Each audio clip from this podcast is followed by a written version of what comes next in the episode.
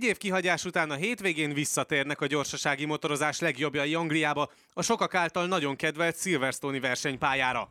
Természetesen azzal is foglalkozunk a mostani adásban, hogy mi történhet az idei 12. versenyen, de előtte visszatekintünk a múlt hétre, hiszen ismét nem kevés történés volt a pályán kívül.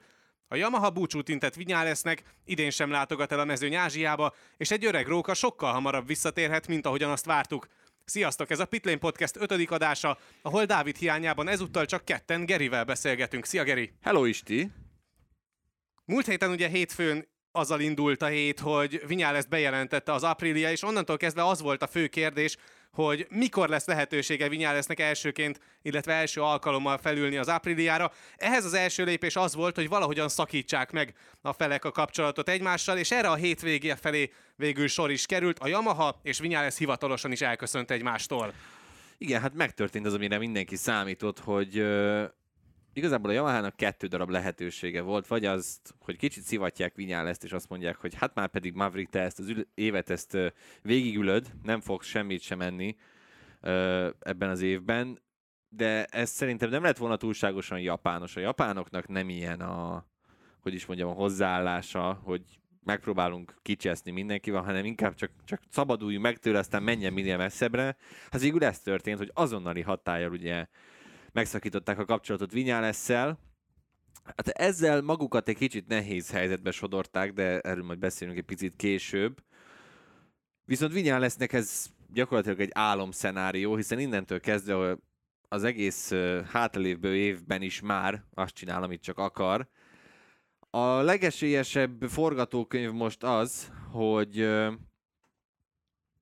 augusztus végén Mizánóban tesztel egyet, egy kétnapos teszten vesz majd részt az Apriliával, amin kicsit összeszokik a motorral, és utána hazai pályán Aragonban már fel is ülhet ö, verseny hétvégén is az Apriliára. De ez annak a függvény, hogy hogyan teljesít ezen a kétnapos teszten, hát, mert nem vagyok benne sokan biztos. egyébként arról beszélnek, hogy Ugye az ideális az lenne Vinyales számára, hogyha legalább 3-4 futamon rajthoz tudna állni majd ebben a szezonban az idén végéig, és ugye Silverstone után még 6 verseny hétvége vár a mezőnyre, Ebből kifolyólag pedig hiába van meg mondjuk a hat szabadkártyás helye az Apriliának, nem feltétlen szükséges nekik az, hogy egy félkész Apriliára egy félkész ezt ültessenek. Hát azért ez az Aprilia ez több, mint félkész, tehát ezt félkésznek nevezni azért elég komoly túlzás.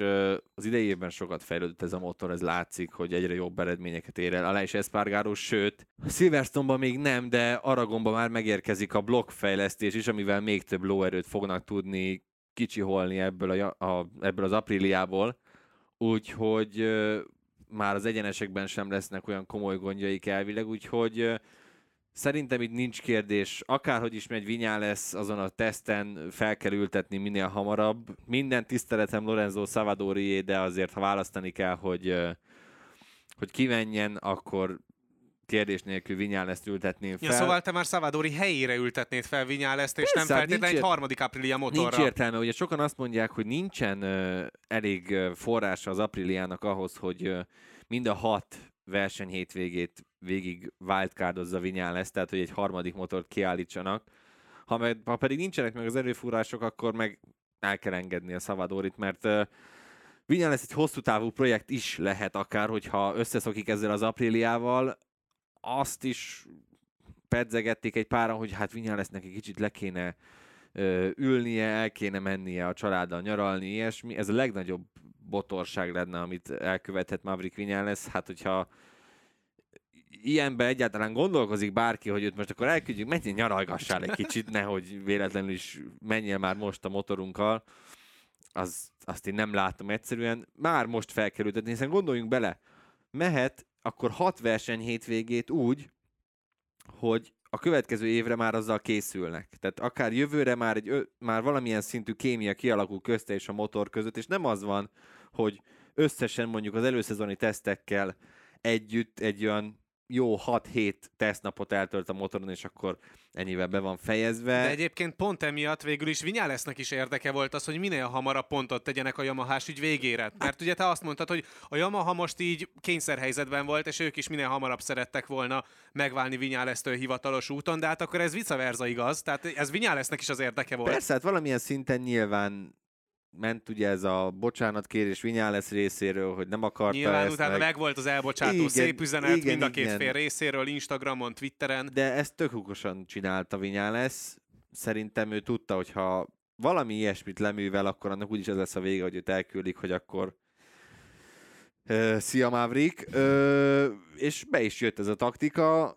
Én továbbra is azt mondom, hogy ez a helyes döntés, ez a jó döntés. Nem csak az Aprilia és Vinyales szempontjából, hanem sokkal inkább a Yamaha szempontjából is, hiszen uh, a szabályokat adottak, tehát uh, meg lehet azt csinálni, hogy egy versenyző évközben vált csapatot. Tehát uh, Vinyales is fel tud ülni az Apriliára, és adott esetben, ha Franco Morbidelli visszatér, ő pedig fel tud ülni a gyári Yamahára már most az év, év hátralevő részében. Ez is egy tök jó forgatókönyv ugye a Yamahának, hiszen akkor van egy olyan versenyzőjük, aki tudja szállítani a pontokat, és továbbra is esélyük lesz arra, hogy ugye megnyerjek Quartararo az egyéni VB címet, a konstruktőrit is behúzzák, és a csapatversenyt is ők nyerjék meg. Tehát a Triple Crown még összejött nekik. Én szerintem ez a legjobb forgatókönyv, hogyha Morbidellit szépen felpattintják azonnal a gyári motorra, hogy visszatér, és hazai pályán Mizánóban akár egy jó eredményt is tud hozni. Tehát ő, ő azt a tavaly mind a két versenyt, ha jól emlékszem, talán megnyerte. Nem, a másodikat nem nyerte meg, de hogy nagyon-nagyon jól ment mind a két versenyen. Úgyhogy Morbidelliben abszolút van ilyen, ilyen szempontból fantázia. Az már nagyobb kérdés, hogy akkor a Petronas mit fog csinálni. Igen, ott ugye most elkezdődik valamilyen szinten a tehetséggondozásnak a, az újra fellendítése, ugye azzal, hogy Crutchlot átültetik a, a gyári Yamahára, és akkor Dixon pedig bemutatkozhat most majd ezen a hétvégén hazai közönség előtt a MotoGP-ben. És hát nyilván innentől kezdve, meg azért az is egy nagy pofon lehetett a csapat számára, hogy ugye Raúl Fernándezt végül nem sikerült leszerződtetni, és mégis ott tartunk, hogy a Yamahának igazából top MotoGP-s tehetsége, akit föl lehetne futtatni a Petronasnál, nincsen. Hát finoman fogalmazva mondhatjuk azt, hogy nincsen. Csúnyában fogalmazva teljes gatya. Igen, Dixon attól, hogy most egy hétvégét kap hazai pályán, attól még azt nyilatkozták a Petronasosok, hogy nincsen benne a kalapban, mint jövő évi MotoGP-s versenyző, tehát ő nem esélye sincsen arra, hogy mondjuk ő kapja meg jövőre az egyik, egyik motort. Spanyolországban elvileg, ugye Aragonban Vierhe fog felcsücsenni a Petronas MotoGP-s motorjára, ő is megkapja egy ilyen búcsú jelleggel a csapattól, hogy ha már jövőre ugye Moto2-ben sem tudnak maradni, akkor legalább ennyi kijárjon nekik. És Igen, meg ugye ők tesztelnek is majd Brunóban, tehát az összes Petronasos kiskategóriás versenyző, tehát Dixon, Vierhe, McPhee, valamint Binder is megy Hát, majd az M1-jel. Hát nem, nem talán nem egy ilyen... Nem, az R1-jel igen, az igen, tehát R1-jel a megy, a motorral szuperbike mennek. konstrukcióval. Hát persze, kipróbálják, hogy azért milyen egy ezeres, hogy ne teljesen úgy üljenek fel, hogy azt se tudják, hogy melyik az eleje meg a hátulja. Aztán majd meglátjuk. A reális forgatókönyv az továbbra is az, hogy Binder lesz a befutó, mert ő egy olcsó, olcsó opció lehet a, az egyik ülésre. Mert hát ugye a másikat, az pedig úgy néz ki, hogy Andrea Dovizioso fogja elfoglalni. Igen, valahogy kellene szerezni a csapatnak is valami jó szponzort, és, az, és jó szponzort meg nyilván nagy névvel tudsz szerezni, vagy azért, mert egy nagy szponzor beáll a nagy név hallatán a csapat mögé, vagy maga a nagy név alapból hozza maga mellé a szponzort. Ugye például ezért is merült fel B opciónak, ugye Petrucci neve is, hogy egyébként őt sem feltétlen szabad eldobni a mostani piacról. Az persze már megint egy másik kérdés, hogy milyen piac az, ahol Danilo Petrucci első számú opció lehet. Hát most úgy tűnik egyébként, hogy még ez sem igaz, mert ugye Dovizioso neve Nem lesz Danilo- mégiscsak Igen. előbb merül fel a Yamahánál, és ez annak fényében azért érdekes, hogy az ápriliás szerződést elutasította Dovizioso, most viszont a Yamahánál pedig egyértelműen úgy tűnik, hogy meg lehet ott az, amit szeretne. nem tudom, hogy most hova teszi magát Andrea Dovizioso, ez is egy óriási kérdés. Ugye a hírek szerint Vinyales ö, sokkal kevesebbért írt alá, mint amit a, az Aprilia ajánlott ö, Doviziozónak. Nem tudom, hogy Dovi most milyen szintre prognosztizálja magát, hogy ő évi mennyit szeretne keresni. Igen, a Petronas helyét jövőre a Vitiu veszi át, akik egy olasz ö, telekommunikációs kötőjel, ilyen, én a weboldalukat kicsit böngésztem, főleg telekommunikációs, de kicsit ilyen gázcég is, tehát hogy kicsit ilyen mindenesek. Az biztos, hogy pénzben nincs hiány, hiszen a Petronas motorokon most is fent van a, a Vityúnak a logója, És a sőt, VR46-osokon is. VR46-osokon is ott van. Tehát ez egy olasz cég, akik nyilván olasz versenyzőt szeretnének első számú ö, opcióként. A kérdés az, hogy mennyi pénzt fognak áldozni erre. Tehát a névadó szponzor lesz jövőre a Vidyu, nagyon úgy néz ki. Tehát Vidyu Yamaha, ez lesz a csapat neve, a Petronas Yamaha helyett. És a kérdés az, hogy mennyi pénzt fognak kapni erre a projektre a Razaliék. Az eredeti hírek ugye azok voltak, hogy jövőre két B specifikációi motorral fognak menni. Most ez módosult annyiban, hogy lehet, hogy sikerül Igen, hát kigrundolni így- egy A specifikációjút. ha így marad, és a Vidyu komolyan Doviban gondolkozik, akkor muszáj lesz egy sokkal versenyképesebb, tehát gyári motort szerezni neki. Ráadásul, ha minden a tervek szerint alakul, akkor idén is láthatjuk már akár Andrea Dovizioso-t motoron, a Petronashoz becsatlakozik onnantól kezdve, hogy Morbidelli visszatér, de átült a gyári Yamahára, és akkor ő helyette mehet azzal a B specifikációjú motorral Andrea Dovizioso egy kicsit ilyen felhozó jelleggel, mert hát ez a nagy kérdés például, hogy mennyire lesz versenyképes egy olyan ember, aki lassan egy éve nem ült MotoGP-s motoron versenyben, tehát nagyon-nagyon nehéz lesz szerintem felhozni arra a szintre Doviziózót. Visszatérve egyébként arra a gondolatra, amit te is megpedzettél, hogy Dovizioso hova helyezi magát jelenleg a mezőnyben, és melyik polcra, Szerinted nem játszhatott szerepet a döntésében, hogy nem fogadta el az aprili ajánlatát, hogy igazából félt attól, hogy Aleix Espargaró agyonveri? Mert Nem ugye azért hiszem. Espargaró együtt él, együtt lélegez a, a, az apriliával azóta, amióta az a projekt él. Nem hiszem, szerintem ő egyszerűen nem látta valahogy azt a potenciált abban a projektben, úgy érezte, hogy neki erre annyira nincsen szüksége, Öm, és lehet, hogy ő úgy gond, már látta valamilyen szinten ezt, hogy a Yamaha-nál lesz, lesz valamilyen szintű üresedés. Nem, nem gondolom. Az Aprilia projekt, tehát a motivációval van különösen gondom, tehát nem látom, hogy miért lesz jó ez Andrea Dovizioso-nak. Tehát egy, egy gyári Apriliát kaphatott volna, most meg elmegy, ha minden úgy alakul, akkor 21 végig egy B specifikációval fog motorozni És aztán talán helyén, kap egy át. és akkor utána talán egy gyári motor kinéz neki. Igen, hogy ez így mire lesz elég, vagy hogy hogy tervezik, fogalmam sincsen. Visszatérve a kérdésre, nem hiszem, hogy nem azért ment oda. Egyszerűen nem tudom. Tehát nyilatkozta folyamatosan, hogy még nem érzi magát nyugdíjasnak, szeretne még versenyezni, bla bla bla bla bla. Ezeket meghallgattuk nagyon sokszor. Most úgy tűnik, hogy tényleg akar versenyezni, de az Aprilia projektet nem látta jónak. Ezt a Vidyu Yamaha projektet meg úgy tűnik, hogy, hogy tetszik neki. A Yamaha egyébként nem először nyúlhat így Dovizioso alá, hiszen egyszer már 13-ban ő Yamaházott, 12-ben, bocsánat, és akkor nagyon jól is ment. Tehát akkor ö, RV Ponsarálnak a csapatában motorozott, és hat darab harmadik helyet összehozott, de egyébként meg a, a legtöbb versenyen top 5-ös, top 6-os helyezéseket szállított. Tehát, Hát, Szezon végén meg negyedik lett a pontversenyben. igen, igen, tehát ő érzi ezt az april, vagy Apriliát, érzi ezt a Yamahát, én azt gondolom. De hát ez 12-es Yamaha volt, most pedig azért ez egy másik konstrukció lesz. Ő, ő egy olyan öreg róka, aki szerintem fog tudni új trükköket tanulni, tehát fog tudni alkalmazkodni a Yamahához. Mi lehet a legnagyobb kihívás neki az újraalkalmazkodásban, illetve abban, hogy egy év után kell majd ismét versenykörülmények között motoroznia? Ez, ez lesz a legnehezebb, hogy hogyan veszi fel újra a ritmust. Ezt láthatjuk, hogy ez azoknak is nehezebb, akik csak néhány versenyt hagytak ki, nem pedig azt, hogy teljesen kikerültek a MotoGP pedokból, és a közelében sem jártak nagyon-nagyon régóta. Szerintem ez lesz a legnagyobb kihívás, aminek, amivel neki meg kell birkóznia. Igazából én szerintem ez egy jó döntés lenne, ő lehetne az olyan, én ezt már mondtam korábban, a, a Yamaha-nak ez a zárkó típusú versenyzője, mint ami most a Ducatinál zárkó, hogy így a lepattanókat elhalásza, és a pódiumokért tud menni, sőt a többiektől, az ellenfelektől pontokat tud elvenni. Én, én kíváncsi vagyok erre a projektre, szerintem ő tudna egy lökést adni, és hát meghozná nyilván a, a figyelmet is azonnal a csapatnak, valamilyen szinten, főleg az olaszoknál. Az, hogy mondjuk, ha Derin Binder lesz a csapattársa, amire a legnagyobb esélye van jövőre, az Binderre milyen hatással lesz, az abba inkább én nem mennék bele.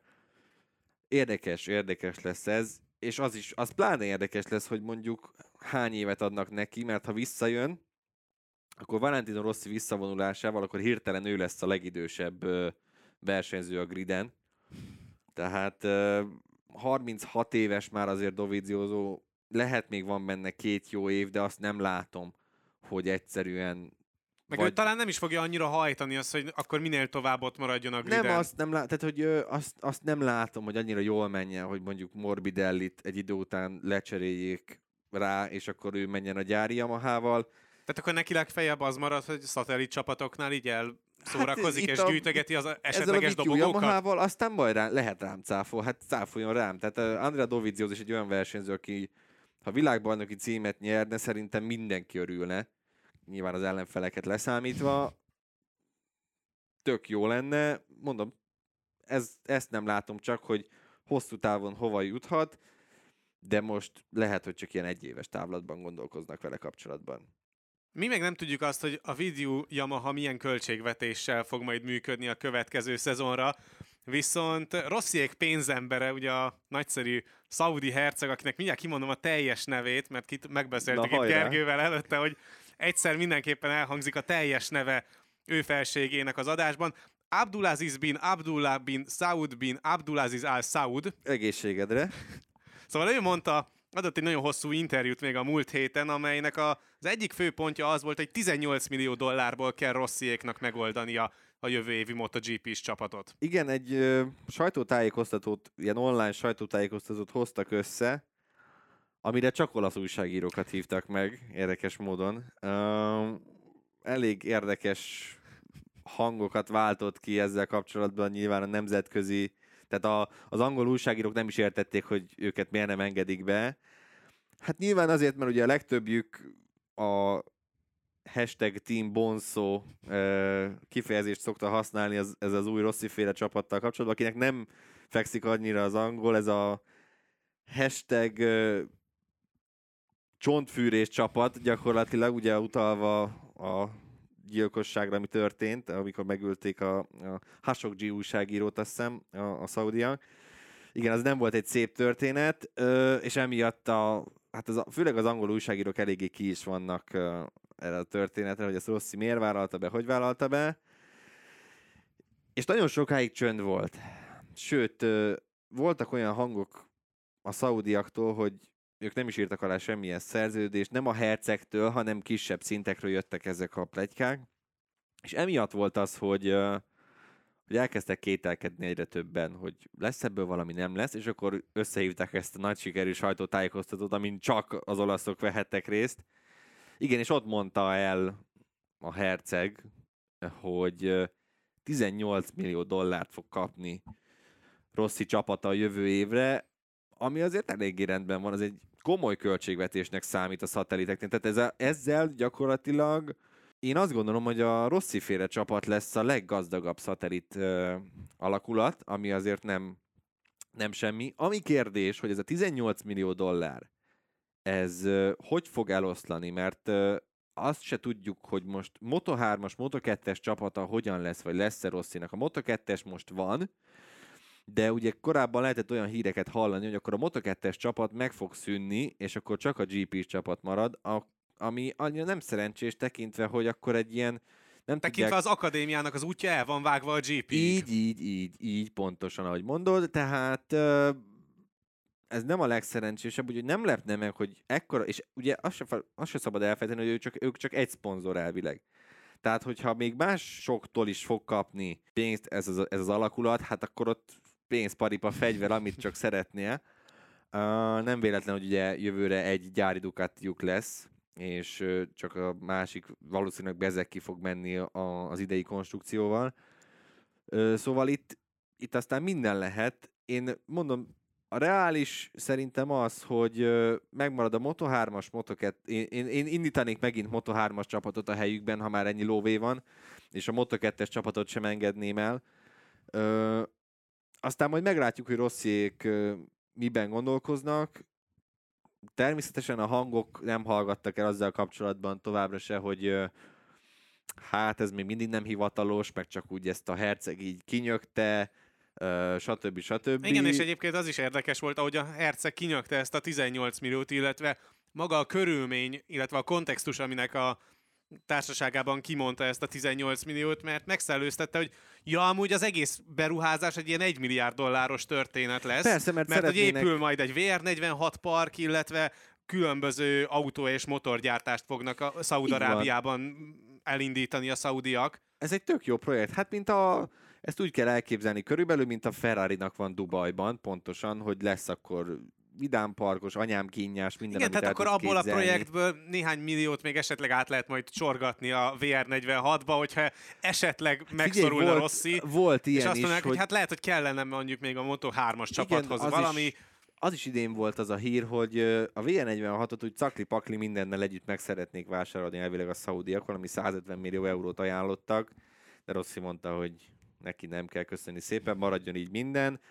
Ö, ez egy, nyilván, ha rosszit nézzük, ez egy tök jó együttműködés, neki megvan a nyugdíjas koráig, amit ö, el tud majd költeni a pénzt, tehát ö, én értem, hogy hogy felülhet majd a saját magáról elnevezett hullámvasútra Igen, is, ha úgy van. Értem az erkölcsi dilemmát egyeseknél, hogy ez mégiscsak azért milyen pénz, stb. stb. De nem jelentkezzen, jelentkezzen nem véletlen az... attól a bejelentéstől is, hogy egyáltalán akkor Rossziéknak honnan lesz pénze. Tehát hogyha visszagondolsz, nyáron az is nagyon sokáig elhúzódott, hogy akkor egyáltalán mi lesz Rossziék csapatával, milyen motorral fog menni, Persze. és ki, ki fogja ezt hozni a zsák pénzt, amivel el lehet kezdeni Persze, az építkezést.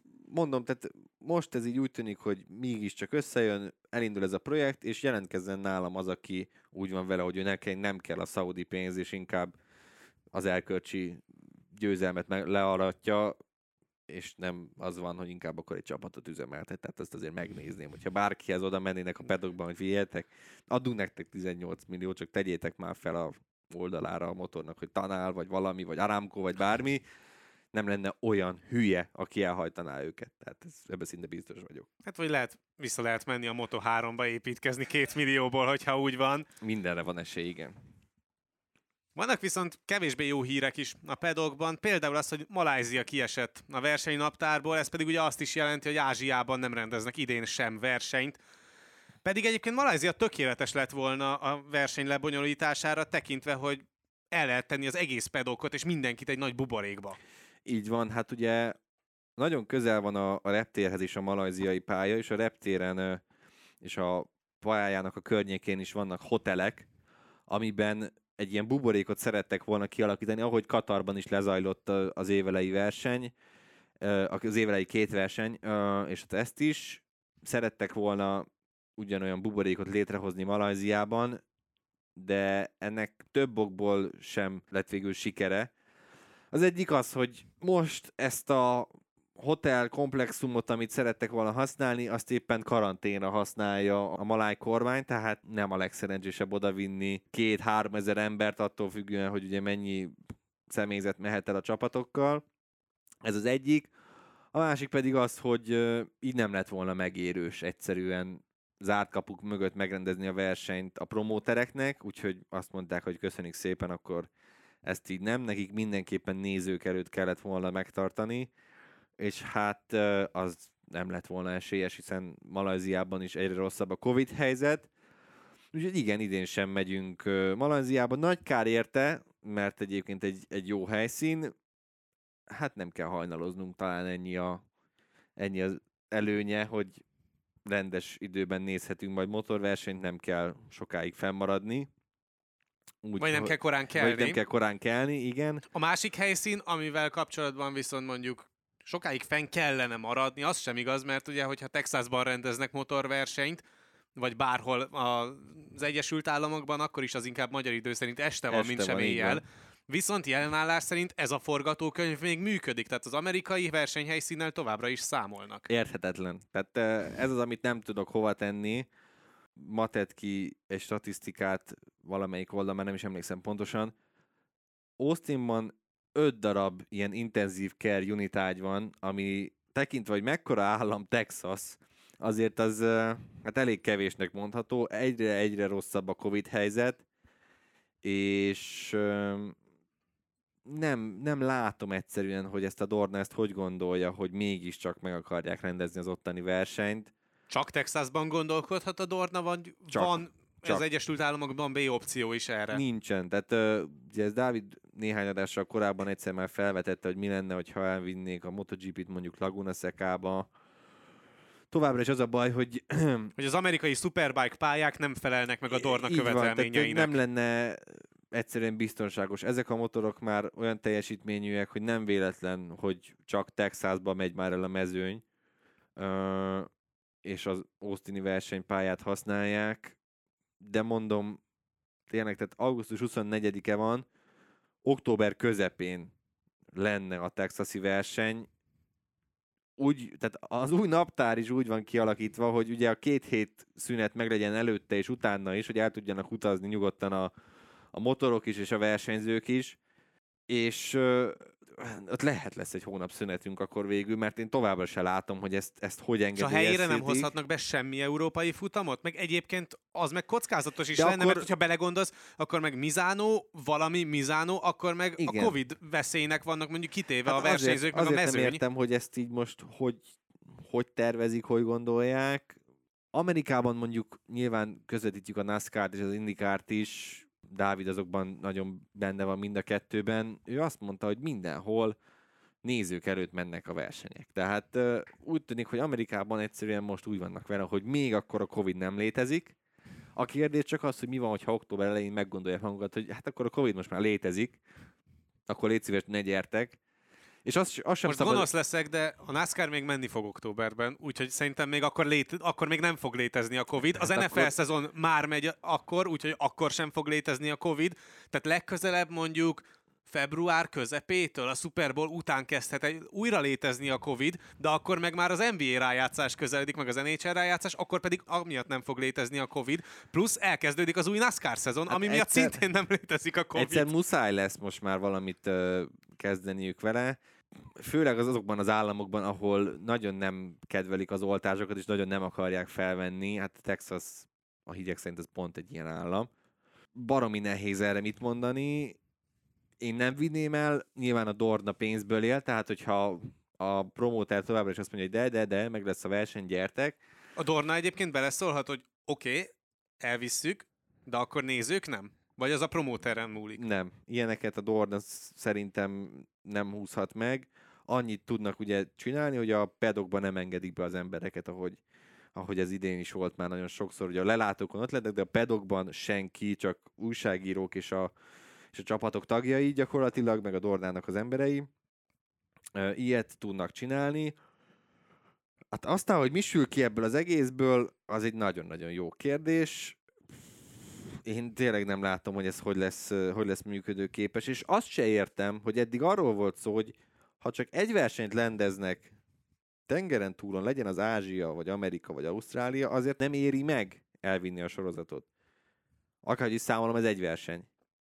Tehát akkor... Ez mindenképp egy verseny. Igen, tehát hogy... ö, Több már nem is lehet, amit elviszel, mert egy maradt Vagy bejelent- kérdésként a versenynaptárban. Vagy bejelentik, hogy akkor mit tudom én, utána még szerdán is versenyzünk ott egyet, és akkor két verseny. Vagy nem tudom. Tehát, hogy elvileg ez volt ugye a nagy mondás, hogy nem megérős úgy egy, egy tengeren túli verseny, hogyha csak egy van, és nem több. Tehát, hogy azért volt ugye mindig úgy, hogy Amerika után Argentína, vagy fordítva, vagy Ázsiában is ugye egymás után folyamatosan a versenyek, meg a, utána Ausztrália közben. Ez most nincs meg, nem tudom. Mondom, nekem az egész nagyon fura, de hát legalább Valentino Rossi kétszer köszönhet a hazai pályán. Ami viszont biztos, hogy kétszer mennek majd Mizánóban, hogy meg lesz szakítva az a két futam versennyel, vagy el fog telni ott egy hónap szünet, vagy esetleg sűrítik a naptárat, de szerintem a szezonvégi versenyhelyszíneket már nem tudják előrébb hozni. Tehát az nem lehet, hogy kiesik a, a texasi futam, vagy az amerikai futam, és akkor minden egyes futam és nagy díj egy hétvégével korábban jön. Hát a vállalástól függ, mindjárt ránézek gyorsan, hogy hogy is áll most a naptár. Mert azt tudom, hogy X-nek meg kell lennie, Igen, és ezt tizen- a do- ehhez a Dorna ragaszkodik, mert hát 19 ugye köti a vers- szerződés hozzá. 19 versenyt mindenképpen meg kell rendezni, vagy 18-at talán. Ö, tehát mert annyira szerződtek le a tévés cégekkel nyilván. Um, igen, most 18-nál tartunk. Nem lep, tehát hogy vannak olyan helyszínek, amiket be lehet rántani itt Európában is, de Európában is ugye nyilván a Covid helyzet egyre, egyre rosszabb. Az argentin verseny is benne van még ilyen, majd bejelentjük névvel a naptárban, de azt nem fogják bejelenteni, tehát az szinte biztos, hogy Argentinában nem lesz verseny, nem csak a Covid miatt, hanem ott leégett a pedok is. Úgyhogy uh, igen, tehát uh, lehet még itt lesz variálás, de nem nagyon tudnak az biztos ö, nagyokat variálni. Hát Mizánónak pedig én személy szerint örülök. Az, hogy Valentino Rossi kétszer is elköszönhet hazai pályán, az tök jó. Egyetlen gond van, hogy az első versenyen jelen állás szerint, ami, ami most szeptember 19-én lesz, oda 23 ezer embert engednek be, és ugye utána pedig október 24 a következő verseny, oda pedig még nem tudjuk. Ö, tehát teltház előtt nem fog tudni elköszönni Valentino Rossi, hogy ez őt mennyire érdekli, vagy mennyire nem, az egy jó kérdés. Mondjuk a promóternek is egyébként egy extra reklámfogás az eladhatóság szempontjából, hogy azt mondod, hogy ez lesz Valentino Rossi utolsó hazai versenye. Most ő se tudja feltétlenül eldönteni azt, hogy akkor melyikre húzza föl, mert oké, hogy az lesz az utolsó hazai verseny, amit október közepén rendeznek meg, de hogyha csak 5000-en fognak bemenni, akkor azt nem úgy fogja meghirdetni. Hát igazából engem nem lepne meg, hogyha az október végi versenyt is Valentino Rossi Grand Prix-nek hívnák, tehát hogy teljesen, teljesen rendben lenne. Ö, igen, ö, ez a 23 ezer ember, ez nem sok, tekintve, hogy egy ilyen verseny hétvégére egy nap százezrek is kiszoktak látogatni. De hát most en- ennyit engedélyez az olasz kormány, és ez a másik, hogy szeptember 19-e, mondjuk az már mindjárt itt van, az annyira nincs, nincsen messze, de október 24 még nagyon messze van, pontosan két hónap van addig. Hát nem lepne meg, hogyha az már zárt kapus lenne, az azért fájna szerintem. De hát ilyen az élet, sajnos ezzel a Covid-dal egyelőre úgy tűnik, hogy folyamatosan birkózunk, és most, hogy megyünk itt a őszi, téli időszakba, ilyenkor egyre jobban terjed ez a Covid is, úgyhogy ez még, még rendesen átírja úgy tűnik az idei naptárat is. Nem csak Valentino Rossi fog egyébként szerintem ennek örülni, hogy két Mizánói versenyt láthatunk. A legtöbb versenyző nagyon szereti, szereti Mizánót, és Mitől kedveli amúgy ennyire a mezőny összességében ezt a pályát? Szerintem azért, mert ez egy gyors, változatos pálya, vannak mindenféle kanyarok rajta, amilyet csak szeretnél. Ö, emiatt gondolom azt, hogy a legtöbb, legtöbb versenyző nagyon szereti, és, és azért ez fontos lehet a világbajnoki ver, pontverseny szempontjából, és ezt nem szabad elfelejteni. Mert hogy tavaly ugye Banyája itt szerzett egy harmadik helyet, és a második versenyen vezetett is, nem második helyet szerzett Banyája, és a második versenyen az érről bukott, úgyhogy senki sem zavarta, és és Quartararo pedig, ha jól emlékszem, azért annyira, annyira nem ment jól ezeken a versenyeken. Tehát, hogyha Banyája Quartararo a szezon második felében nem ment jól. igen, tehát ott voltak szétesései. Tehát, hogyha Bányája tudja hozni a tavalyi formáját, akkor tudna még esetleg zárkózni majd Quartararo-ra a világbajnoki pontversenyben. Azért az, igen, Quartararo az első versenyen mm, verseny nem fejezte be, és a másodikon negyedik lett. Úgyhogy szerintem még ez jól jöhet a világbajnoki pontverseny szempontjából. Ö, és, és Mir is jól ment, tehát vannak itt lehetőségek, én azt gondolom. Ők biztosan, hogy Mir és Bányája örül szerintem ennek a változásnak. Zárkó szerintem annyira nem. Ha jól emlékszem, őt, ő azért annyira ezt a pályát pont nem kedveli. Úgyhogy, és akkor általában is jól szokott azért itt azt jelentsük kimenni általában. Úgyhogy szerintem érdekes, érdekes hétvégéket láthatunk majd. A kérdés az, hogy ilyen, ilyen back-to-back-et még szerintem nem láttunk, ami egy hónapos különbséggel megy, tehát akkor egymás után rendezték a versenyeket, hogy ez mennyire fog befolyásoló tényezővé válni. Főleg, hogyha elmennek közben egy teljesen másik versenyhelyszínre. Igen, az, az nagyon-nagyon érdekes lesz, és az is egy pikantériát adhat majd ennek a versenynek. Úgyhogy én várom. Szerintem tök jó lesz ez a dupla Mizánó már csak azért is, hogyha akárhány mennyi szurkoló is lesz Valentino Rossi miatt, ők biztos, hogy, biztos, hogy meg fognak őrülni. Persze nagyon jó, hogy már beszélünk arról, hogy kinek lehet jó a dupla mizánói verseny hétvége, de azért addig el kell jutni, és lehet, hogy lesznek olyan versenyzők, akikről még úgy beszélünk, hogy na nekik jó lesz majd a dupla mizánó, aztán mire eljutunk, addig addigra már teljesen földbe állnak, és elköszönhetnek a világbajnoki címről sző támoktól. De mi a helyzet ezzel a mostani Silverstone-i pályával? Mert uh, ugye tavaly nem volt, úgyhogy közvetlen előző éves mintája nincs a versenyzőknek, és talán a két évvel ezelőtti tendenciákat nem feltétlen érdemes fölhozni, pláne azért, mert azért az elmúlt időszakban itt mindig változott a győztes kiléte, és nem nagyon mondható el egy gyártóról sem, hogy na, mondjuk a Yamaha uralja ezt a pályát, vagy mondjuk a Ducati uralja ezt a pályát. Sőt, a Ducati a legkevésbé uralja ezt a pályát. Igen, hát az elmúlt hat évben, amikor ott jártam mezőny, akkor uh, hat különböző győztes avatott ez a verseny. Ugye Lorenzo nyert 13-ban, Márquez 14-ben, Rossi 15-ben, Vinyales 16-ban, hát ő biztos, hogy nem fog nyerni most. Dovizioso évi volt a 17-es verseny, 18-ban az eső miatt uh, olyan heves esőzés úzult a pályára, hogy nem tudtak versenyrendezni, úgyhogy ezt elhalasztották. Rins pedig 19-ben minden idők egyik legnagyobb befutójában verte meg Mark Márquezt, úgyhogy ez fantasztikus volt látni.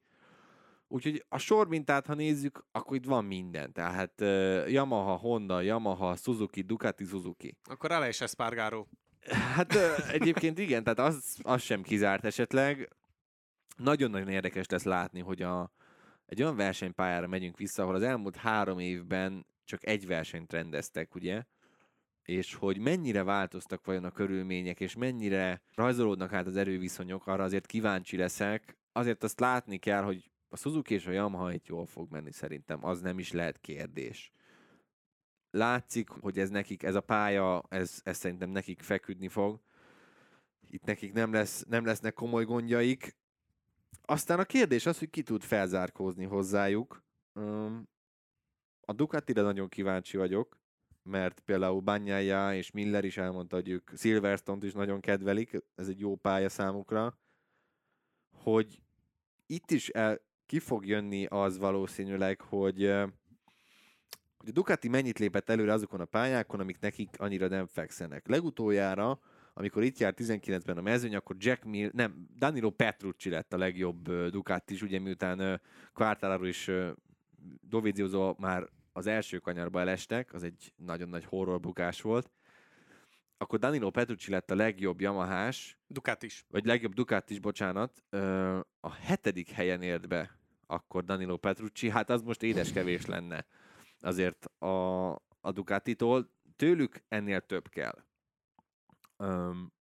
De minden esély megvan rá szerintem, hogy jobbak legyenek és nem, nem tudom nem leírni. Tehát Márquez sem szabad leírni, én azt gondolom. Márk Márquez azért ezen a második osztrák versenyen megmutatta, hogy ő még mindig nagyon tud, hogyha szeretne, és, és pont nyilatkozta is ugye, hogy ha nem lenne a, az a sérülés, akkor idén is szerinte a világbajnoki címért tudna menni. Hát ugye a világbajnok már idén nem lesz, abban szinte biztos vagyok de egy jó eredmény szerintem itt, itt kijöhet neki. Mi kell ahhoz? Mert uh, például ezt maga Márkez is elmondta, hogy egyszerűen egyelőre nem elég gyorsak ahhoz, hogy egy Silverstone szintű pályán versenyképesek legyenek, már pedig itt a legfontosabb a sebesség a gyors részeken és a gyors kanyarokban. Mi kell ahhoz? Öm, hát hát figyelj, hogyha Ausztriában az egyik leggyorsabb pályán versenyképesek voltak, akkor azért ezt így nem mondanám. Um, mi kell hozzá? Megint tele kell tenni Mark Marquez-t fájdalomcsillapítóval, mert az működött ugye a második versenyen, amikor uh, kapott egy nagy adag fájdalomcsillapítót vénáson, akkor utána sokkal jobban ment. Viccet félretéve, Hát meg bele is kell úgy választani az abroncsokba, igen, ahogyan tette igen, azt Spielbergben. Mi kell hozzá? Bele kell találni a beállításokba, kell egy jó gumiválasztás, és onnantól kezdve minden már már kezem múlik, és gyakorlatilag ennyi. Piero Taramázó mondta el a Pirelli-től, hogy gumifejlesztés és gumiválasztás szempontjából és gumigyártás szempontjából ezen a pályán a legfontosabb, hogy kellő stabilitást és tapadást tudjanak biztosítani a versenyzőknek, illetve olyan abroncsokat kitalálni, amik a gyors irányváltásokat jól bírják, és ezért is érdekes, hogy az első gumik például ezen a verseny hétvégén szimmetrikusan lesznek kialakítva, viszont a hátsóknak a jobb oldala egy kicsit keményebb keverékű lesz, mint a, a bal oldala, tehát egy kicsit féloldalasabb lesz a, a gumik keverékének a kialakítása. Nyilván ez annak is köszönhető, hogy van 10 jobbos, meg 8 balos kanyar, tehát hogy, és ezek ráadásul nagyon tempósak, ugye a Megazbeket Cseperről már több más versenysorozatoknál is ódákat zengenek a versenyzők, meg mindenki oda van attól a tempós kanyar kombinációtól. De hogyha ezt vesszük alapul, akkor melyik az a motor a mezőnyben, amelyik a legjobban tudja lekövetni ezeket a gyors irányváltásokat? Szerintem a Yamaha. Tehát ha mondanom kéne egy motort, ami idén a kanyarokban a legjobb, én azt gondolom, hogy és hagyományosan is a Yamahák szoktak a kanyarokban a legjobban teljesíteni. Utánuk szorosan a Suzuki, aztán nem lennék meglepne, hogyha az Aprilia is egyébként jól menne, mert nekik is alakulgat folyamatosan a kanyar tempójuk, ugye ők az egyenesekben jobban, szenved, jobban szenvednek, és mondom, nem tudom még, nem látom, hogy a Ducati mennyire lépett előre ezen a pályán. Ha olyan szintű erőlépést láthatunk majd, mint Herezben, akkor meg tudják nehezíteni Quartararo és Mir dolgát, mind a, mind a három Ducati is akár, de de, de tényleg, tehát annyira kipr- kipróbálatlan ez a helyszín, hogy hogy még a Michelin sem tudja egyébként feltétlenül, hogy milyen abroncsokat hozzon. Ezt is Tálámázó mondta el, hogy persze megvan elméletben az, hogy hogyan működött ez az abroncs például 2019-ben, persze. de előtte meg éveken keresztül volt mindig aktuális, friss mint Most az újraaszfaltozás óta mentek egyszer a mezőny tagjai rajta. Igen, hát Taramászóik is majd tudják, vagy nem tudják, hát ez majd kiderül. Azért az osztrák verseny alatt is ez is egy téma, ami egyelőre háttérben van, de néha-néha azért a versenyzők nyilatkozzák, hogy a Michelinnek se sikerül mindig egyforma minőségű jó abroncsokat gyártani, és vannak, akik, vannak, akik rendszeresen panaszkodnak, hogy e, ugyanolyan, tehát mondjuk három médium set, és nem sikerül mindig ugyanolyan jól. Ami azért néha így kérdéseket felvet, hogy akkor most a Michelinnél azért mi folyik, hogy ezek hogy történnek, meg hát ha lát, tehát Miguel Oliveira-nak az, ahogy, az az első gumia, ahogy kinézett, amiből mintha cafatokat szaggatott volna ki valaki, az is teljesen értetetlen néha. Tehát azért a, a Michelin is, is el tud menni egyszer-kétszer olyan erdőbe, hogy öröm nézni, de nagyon remélem, hogy nem erről fog szólni a verseny hétvége, hogy, hogy rossz, allokációval jönnek ide, és azt mondják a versenyzők, hogy ez az allokáció így használhatatlan, stb., hanem arról fog szólni, nagyon-nagyon jó és izgalmas versenyt láthatunk, és egy olyan befutóval meg lennék elégedve, mint amit láthatunk 2019-ben. Egy kicsivel kevésbé szorossal is? Vagy, vagy, vagy innentől kezdve akkor az a, az, az etalon, az a, Jó, a hát, ha nem a, csata? Igen, ha nem az utolsó kanyarba, akkor itt az utolsó szektorba dőljön el, és akkor szerintem elégedettek lehetünk. Aztán meglátjuk én sokat várok valamiért egyébként nem csak Quartararo-tól, hanem én Crutchlowban is érzem a bugit. Hazai pályán szerintem ő jó lehet, még ha csak most is tér vissza, de ugye most a gyári motoron fog ülni a hétvégén, és azért ez lendíthet szerintem rajta annyit, hogy megérzi maga alatt, hogy milyen jól működik a Yamaha. Crutchlowba, Crutchlowba szerintem van, van fantázia, ugye a másik debütánsunk az Jake Dixon lesz, aki felül erre a B specifikációjú motorra. Hát tőle mondjuk semmit nem várok, tehát ha körbeér és mondjuk pontot szerez, már szerintem az is, az is nagy csoda lesz.